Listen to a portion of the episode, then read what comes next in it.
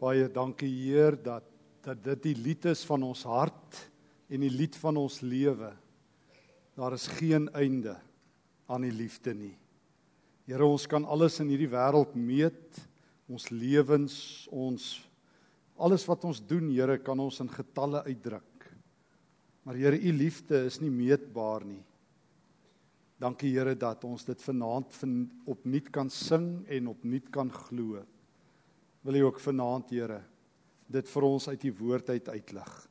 Ons vra dit in Jesus se mooi naam, die Here van alle genade. Amen.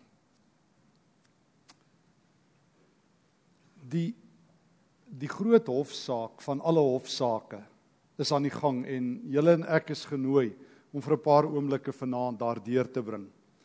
Ons gaan saam met Job die grootste hofsaak van alle tye beleef en terwyl ons op pad is na die hofsaak, die aangeklaagde in hierdie hofgeding is God. God is in die aanklagbank. Die beskuldiging. God is onregverdig. Hy kry mense terug. Hy straf mense vir hulle sonde. Dis minstens een van die aanklagte. Dis die aanklag terloops wat die meeste nie gelowiges vandag, ateëste, teen God glo, uh, gooi. Die vraag wat wat ehm um, onlangs getoets is in 'n studie in die FSA waar hulle vir mense gevra het, as jy een vraag vir God kan vra, wat sal dit wees? Was die vraag hoekom? Dis die aanklag teen God in die boek Job. En ek wil jou nooi om vir 'n oomblik um, saam met my na die hofgeding toe te gaan en ons gaan die hofstukke lees soos wat dit in die boek Job voorkom. Ek wil jou eers voorstel aan die drie advokate vir die verdediging wat instaan vir God vanaand. Hulle sit hier so aan my linkerkant. Dit is Elifas en Bildad en Sofar. Hulle gaan God verdedig. Die aanklaer hier aan my regterkant is Job. Die aangeklaagde is die lewende God self. Die rede en en daarvoor het ons bietjie nodig om so net vir 'n oomblik onder Job se vel te kom in Job 1 en 2. Die rede, Job was op 'n dag die rykste ou in die ooste. Hy het dit gemaak. Hy het 10 kinders gehad en een klompie vee wat jy nie kan tel nie en geld wat um, net te veel was. Hy word beskou as die rykste ou in die hele ooste. En toe kom die duiwel, die Satan, en hy daag God uit om iets aan Job te doen. Trouwens, die Satan het vir God gesê, dis nie sonder rede dat Job dit dien nie. Dit gaan so goed met hom, vat dit weg en kom ons kyk. En toe gebeur dit in Job 1. Dis die agtergrond, die eerste deel hoofstuk 1. Toe tref onheil al Job se kinders. Trouwens, hulle is al 10 dood. Al sy vee word vernietig, gesteel sy plase, alles is daarmee in. In een oomblik gaan Job van die rykste ou na die armste ou, denkbaar. En nog steeds hou Job aan God vas. Die Satan is nie tevrede nie en het 'n tweede toets. Vat bietjie aan sy gesondheid. En toe breek swere oor Job se lyf uit en hy word toksies, septies siek en niemand wil naby hom wees nie, so sleg lyk hy. En dit is presies op hierdie punt dat Job besluit Hy gaan nie net meer glo. Hy gaan nie net meer stil bly vir 'n antwoord vat nie. Dit wat hier gebeur is net nie reg nie. En nou sluit ons aan in Job 3 by 'n paar van Job se aanklagte. En ek gaan saam met jou deur 'n paar van die hofstukke gaan. Ek gaan dit net lees soos dit opgeteken is en hier en daar kommentaar lewer en dan gaan ons aan die einde kyk wat is die uitslag van hierdie hofsaak? Is God iemand wat jy kan aankla? Is God onregverdig? Hou God van jou van sonde tot sonde, is jy so goed soos jou laaste gehoorsaamheid en so sleg soos jou nuutste sonde? Is God se emosies soos 'n grafiek? As jy hierdie week gehoorsaam is, dan hou hy van jou en volgende week as jy droog maak, dan dan trek hy weer die mat onder jou uit. Is God 'n terugkry God wat boekhou en op 'n dag net besluit kom ek kry jou terug 'n bietjie? Is dit vir God lekker as uh, slegte dinge gebeur? Wil hy dit veroorsaak? Staan hy agter dit alles? Soos baie mense sê.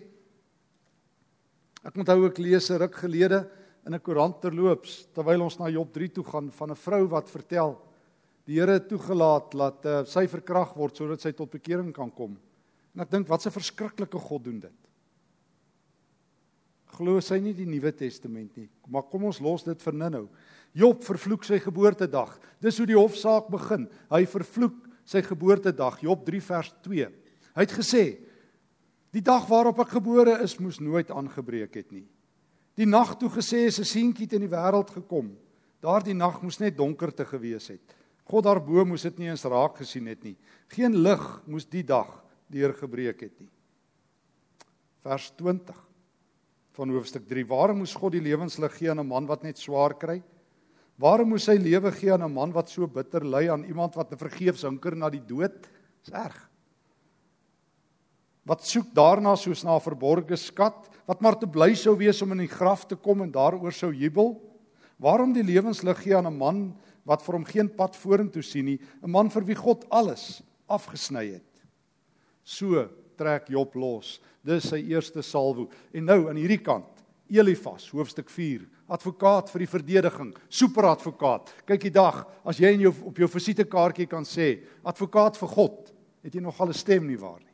Dis nog al 'n ou wat jy in die hof wil hê aan jou kant. Wanneer jy God se advokaat het, Elifas. Althans, dis wie hy dink hy tans is. Kom ons los dit vir later.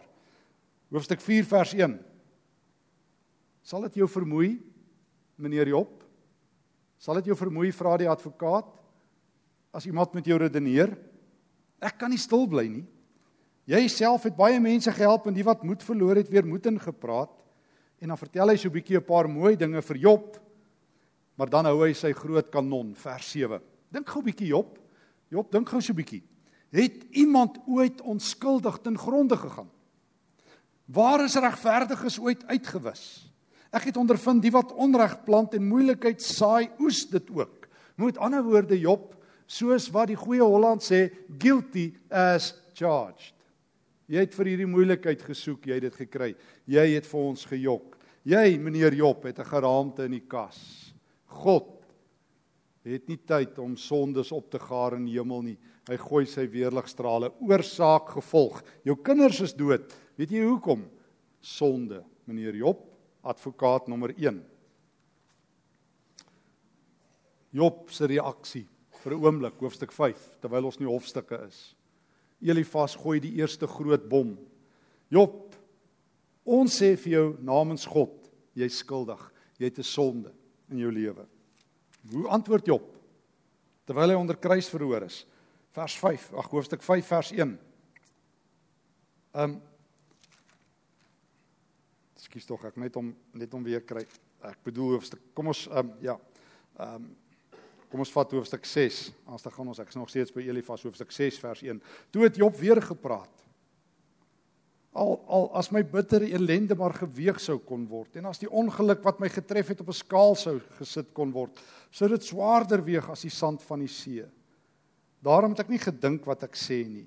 Die pile van die Almagtige deurboor my. Ek word geleidelik deur hulle vergiftig. Ja, Job steur hom gewoon net nie aan sy aan sy kruisverhoor nie. Vers 20, 26 van hoofstuk 6. Wil julle my bestraf oor wat ek gesê het? Beskou julle die woorde van 'n hoopig van van 'n wanhoopige as blote wind. Luister, luister meneer die advokaat wat namens God optree. Jy verstaan nie. Dis God. Hy skiet my met pile. Maar as God pile skiet, skiet hy raak. Hy's nie soos ander ouens wat misskiet nie. So God het so groot, so groot bullseye op my, en dan trek hy daai pile en hy skiet. En daarom sê Job is sy lewe elendig. Hoofstuk 7 in sy hofstukke. Tweede advokaat vir die oppositie vir vir God. Bildad, hoofstuk 8. Advokaat nommer 2 wat namens God optree in die hofsaak. Hoofstuk 8 vers 2. Hoe lank gaan jy nog so aanhou praat? So open hy sy oom sy sy verdediging. Jou woorde kom soos 'n orkaan. Sal God die reg verdraai, sal die Almagtige verdraai wat reg is. As jou kinders teen hom gesondig het, het hy hulle vir hulle oortredings gestraf. Met ander woorde, meneer Job, is nie net jy nie, ou maat. Jou kinders, hulle is 'n klomp brats. God het dit teruggekry. 'n 10 stroop vir God, hy het hulle almal doodgemaak. So, sien jy hoe maak God as uh, mense nie na hom luister nie. Hy gooi 'n weerligstraal en dan sit wedstrydpunt en die wedstryd is oor. So meneer Job, maak dit vir jou goeie nuus. As jy nou na God vra vers 5 en die Almagtige om genade smeek, dan sal jy nou weer terugvat. So Job, kom tot bekering en dan uh dan is dit alles afgehandel. Maak ons einde aan hierdie hofsaak en uh dan kan jy die hof uitstap skotvry. Job reageer hoofstuk 9 teen God se tweede selfaangestelde advokaat Vers 20. Job 9. Al is my saak reg, my woorde sou my skuldig maak. Al is ek onskuldig, ek sou oor my woorde veroordeel word. Ek is onskuldig. Ek staan voor God en voor julle, sê advokate en ek roep uit ek is onskuldig. Ek het niks verkeerd gedoen nie. Hoekom is my kinders dood? Hoekom is ek ewe skielik brandarm? Julle kom hier en sê ek het gesondig. Julle sê my kinders het gesondig. Ek is onskuldig.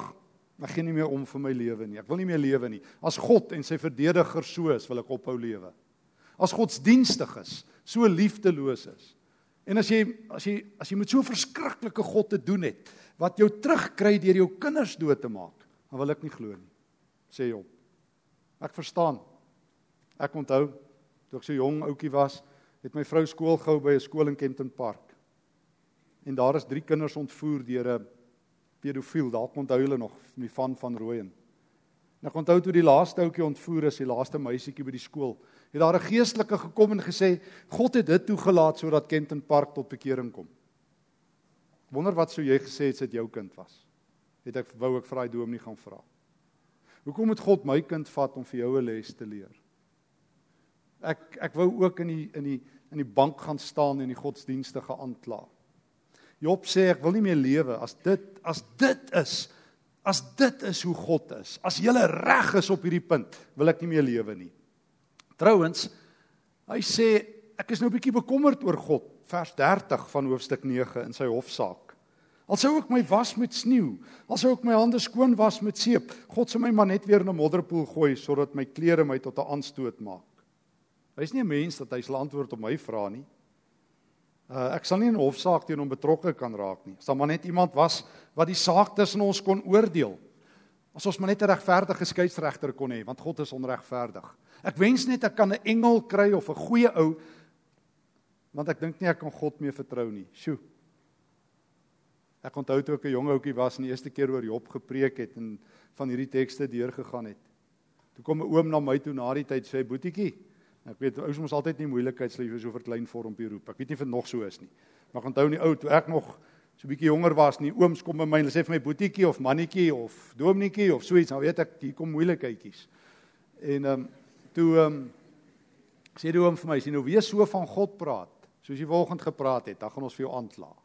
Ek sê oom, dis die Bybel is nie ek nie. Hy sê nee, die Bybel sal nie. Ek lees dit vir hom, maar daai oom kry amper 'n koroner van skrik. Hy het dit net nog nooit raak gelees nie. Geliefdes, hierdie staan in God se woord. Hierdie is die hofsaak van alle hofsaake. Hierdie is die vraag van alle vrae. Is God regverdig? Kan jy op God reken?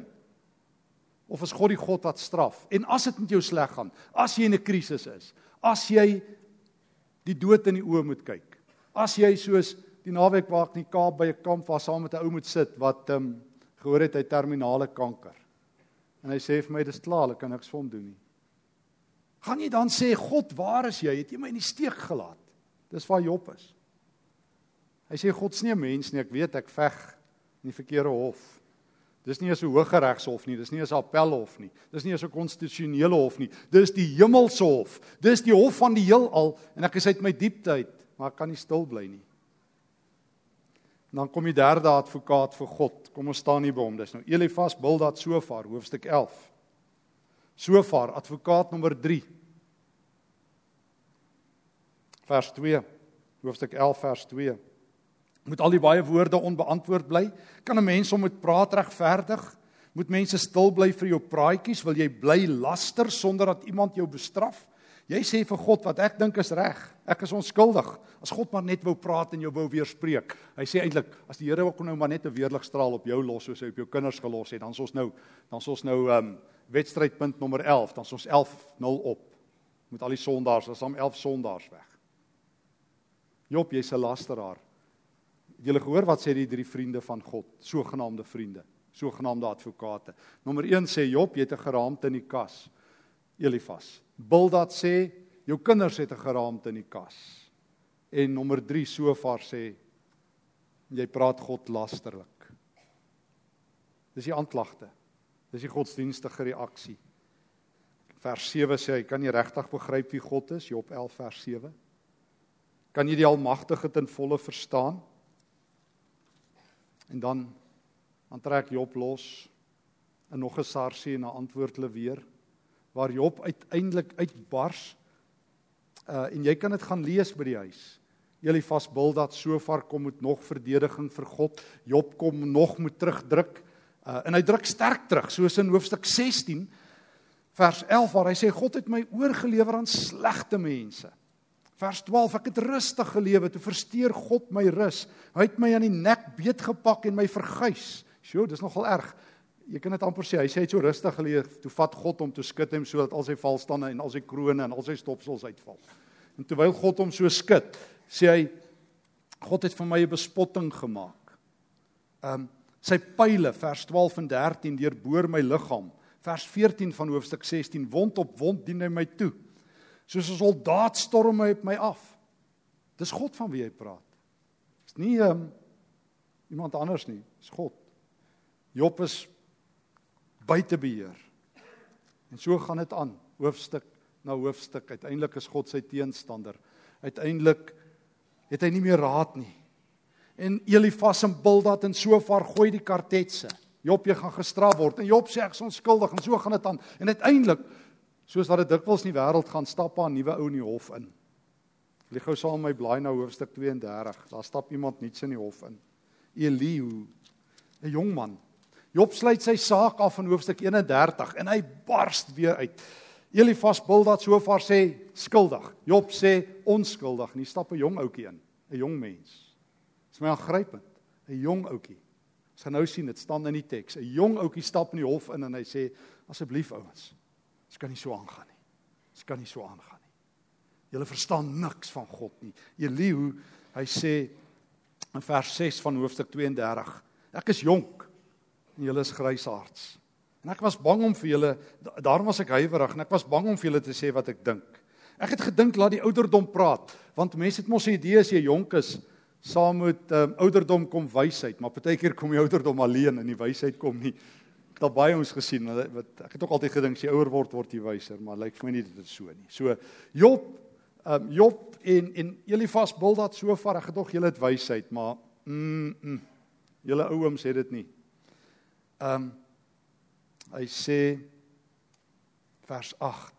Dit is die gees in die mens. Mense sou dit selfs die gees met 'n hoofletter kom vertaal. Dis die gees van God in die mens in vandag se taal wat vir 'n mens insig gee. Die gees wat van die Almagtige afkom. Dis nie baie jare wat verstandig maak en aan ou mense insig gee en wat reg is nie. O, is dit nie aangrypend nie? Jong mense en ou mense wat in die gees wandel, het wysheid. En hier stap vir die eerste keer 'n wyse ou in die hofsaak en hy sê so kan ons nie aangaan nie. Kom ons kom tot bedaring. Jong mense met wysheid wat diep deur die Here se gees deurdrenk is, het 'n antwoord. Jesus het tereg gesê in die Nuwe Testament dat um, ons kinders moet word. Hoofstuk 33 vers 1 luister na my Job. Luister wat ek sê. Ek gaan nou praat. Ehm um, ek gaan reguit praat vers 3. Ek gaan eerlik praat. Die gees van God het my gemaak. Die asem van die Almagtige het my lewe gegee. Job vers 6 voor God is jy en ek gelyk. Jy's nie omdat jy hierdie ou hierdie magtige ryk biljoenêr was belangriker nie. Job ons is gelyk voor die Here. Ek is ook maar net uit klei gevorm en ek wil jou nie skrik op die lyf jaag nie. Jy het gesê ek is onskuldig. Jy het gesê God maak van jou 'n gevangene vers 11. Ek sê vir jou vers 12 Job jy's verkeerd. Job God is meer as jy. God is groter as wat jy dink. Jy dink jy kan God in 'n hofsaak vat en hom aankla en sê skuldig, Here. Jy dink jy kan God vasvang in jou kop en sê so is God. Hy is nie, hy's groter. Job sê hierdie jong man vir hom, hierdie jong ouetjie, waarskynlik 'n ouetjie wat nie hoërskool is. En Job, waarom beskuldig jy vers 13 van hoofstuk 33 vir God? Hy hoef nie vir jou rekenskap te gee nie. Wie dink jy is jy oom Job dat jy God aankla? Ons jong ouetjies buig voor hom. Jy ou man moes beter geweet het. Jy moes God gevrees het. Jy moes God gedien het en nou klaai hom aan. Job, asseblief, hou op. Asseblief ouens, hou op. Hou op met julle slimmighede. Hou op met julle baie praat. Ek sê nie ek verstaan God nie sê Eliu, maar ek verstaan iets van hom. En dit laat my liewer respek hê vir hom as om hom in 'n hofsaak aan te kla. Ag gaan ek nie lees Job uh, Elihu het 'n lang aangrypende paar redes tot in hoofstuk 37. Dan is hy klaar. En dan ouens, praat God. Dan breek God die stilte. 37 hoofstukke. Eintlik van hoofstuk 3 tot 37. Is God stil? Is dit Job wat sy onskuld bepleit, wat sê hoe God hom straf? Is dit Elifas Bildad Sofar wat sê sondaar, sondaar, sondaar? En dis 'n jong ouetjie wat instap en sê nie van julle verstaan vir God nie. Hy's sagter, hy's meer genadig en hy's heiliger. En ewe skielik kom die Almagtige, die Here in die hofsaak in. Kan jy glo die lewende God daag op? Want die lewende God stel belang in wat mense oor hom sê. Geen woord van jou en my is vir hom verborge nie. En dis vir hom veral hartroerend as mense hom vals beskuldig. Net soos wat dit vir jou is. En daarom kom God en weet jy wat doen hy in die hof? Hy vee al die hofstukke van die tafel af en hy trek sy hart oop. Hy trek die ritsluiter van sy hart oop. Hy sê: "Job, kyk na my hart. Kyk na my hart. Bring jou hand en sit hom op my hart." Soos John Woolman, die eerste ou wat slawerny in die Quaker beweging in Amerika tot einde gebring het.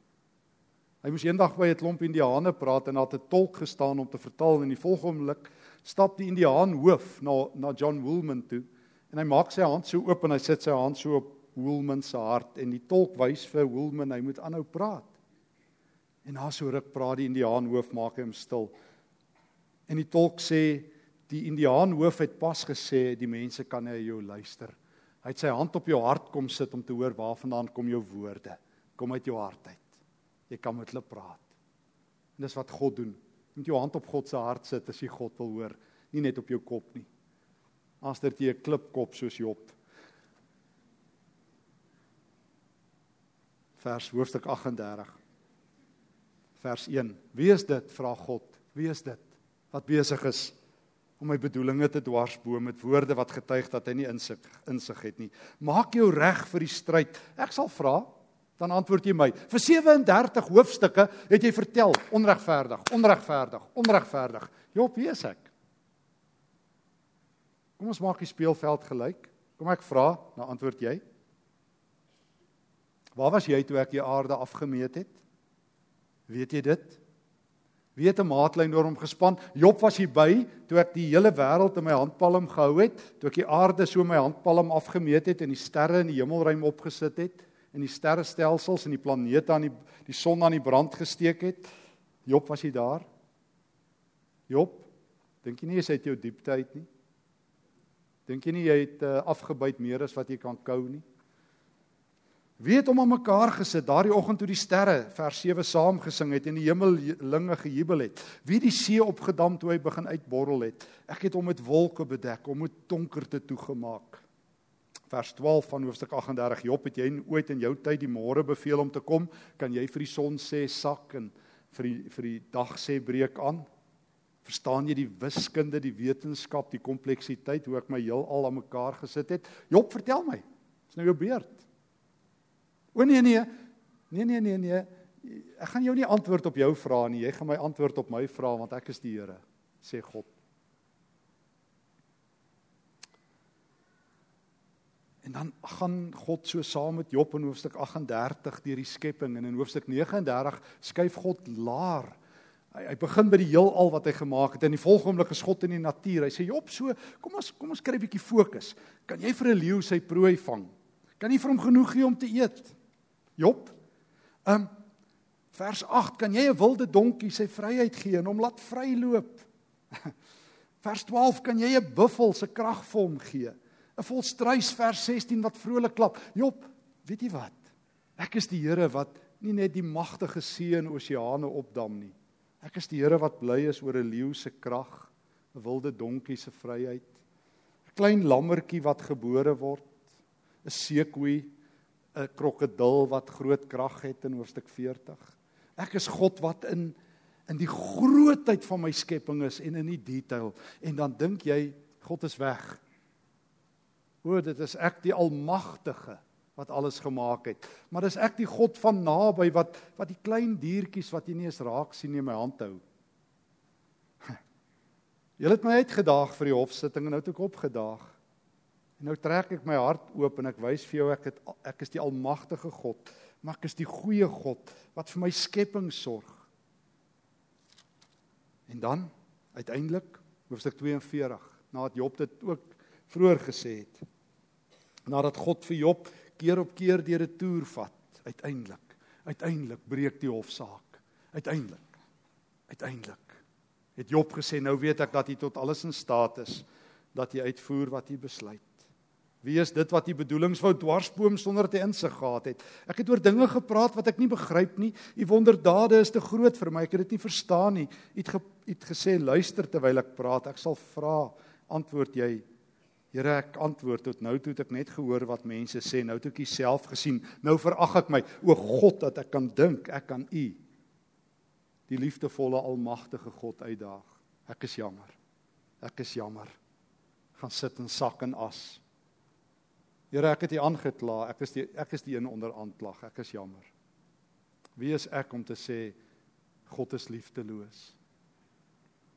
En dan nadat God vers 7 met Job gepraat het, het die Here vir Elifas die tema nie gesê ek is kwaad vir jou en jou twee vriende.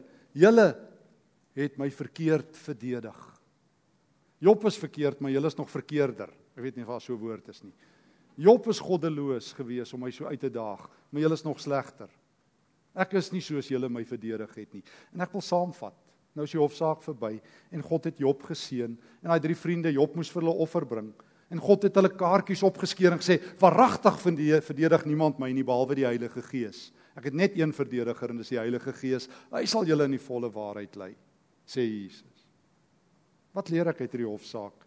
Drie dinge. Miskien vier. God is nooit in die aanklagbank nie. God is nooit in die aanklagbank nie.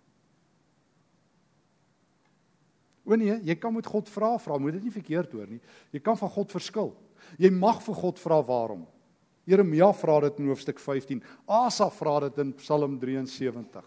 Job vra dit. Die prediker vra dit. Jy mag vir God vra, vra, maar jy moet een ding weet, meneer en mevrou, jong mens, Stefan, wie ook al prediker, jy moet weet met wie jy te doen het. En as jy vra, vra nie alle vrae is goeie vrae nie. Ons almal weet dit, maar niemand weet dit as dit by God kom nie. Ons almal weet as jy as jy sokker speel, kan nie in die halfpad in die sokkerwedstryd sê, ouens, nou hoekom tel ons nie die bal op en hardloop en druk 'n doel nie. Daar is nie so vraag nie. Nie in sokker nie. Jy kan nie as jy skaak speel besluit dis 'n goeie dag om met swart uh, stukke te begin skuif nie. Die, die reëls van skaak is jy speel wit eerste. Daar is nie so vraag nie. En as jy by God is, moet jy weet met wie jy te doen het. Daar's nie so 'n vraag soos is jy onregverdig dit dit dit dit nie met jou plek ken. Prediker 4 sê wees baie versigtig met God. Wees baie versigtig met God. Laat jou woorde min wees. Jy mag Trouwens jy moet ook partykeer worstel met die Here. Maar jy moet weet met wie jy te doen het. As die God wat jy aanbid, jy in elk geval 'n paar antwoordjies kan saamvat, dien jy 'n afgod. Kan ek dit weer sê? As die God wat jy dink jy dien, jy in elk geval 'n paar sinnetjies kan vasvat.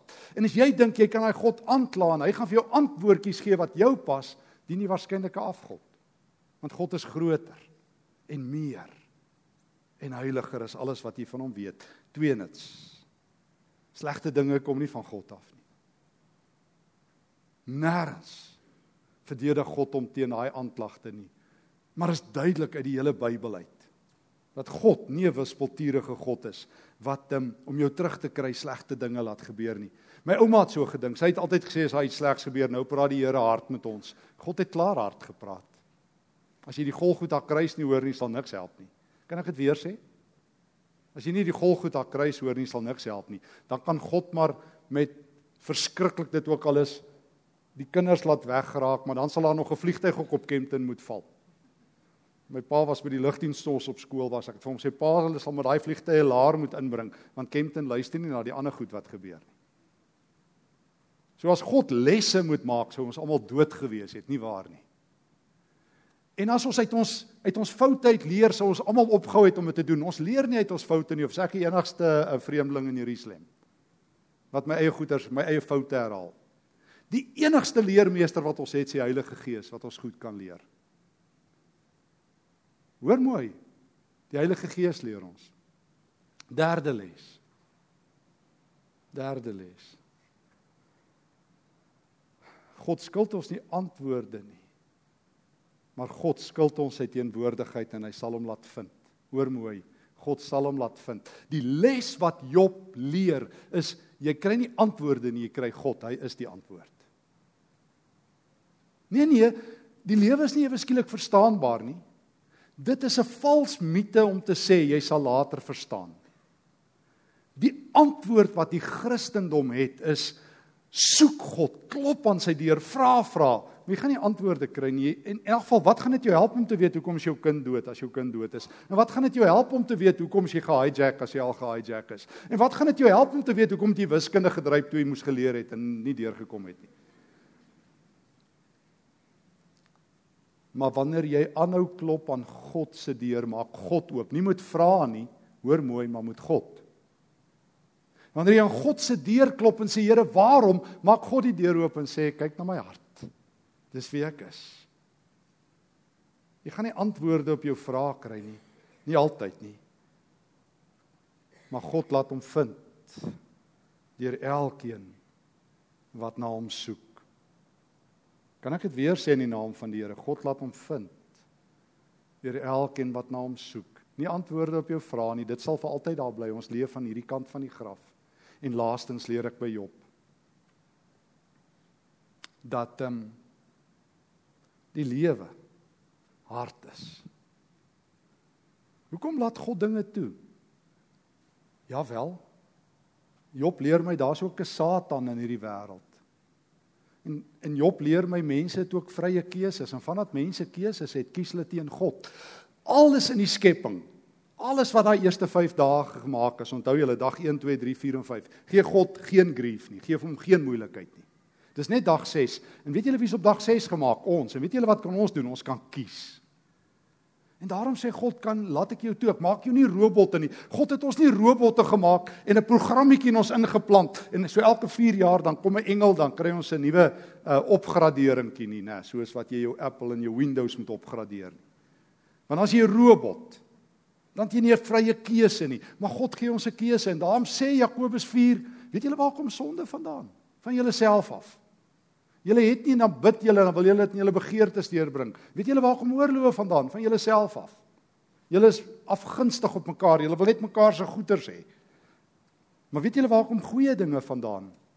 Jakobus 1 vers 18 van God. Alle goeie gawes kom van God af. Alle goeie dinge kom van God af. Alle goeie dinge kom van God af.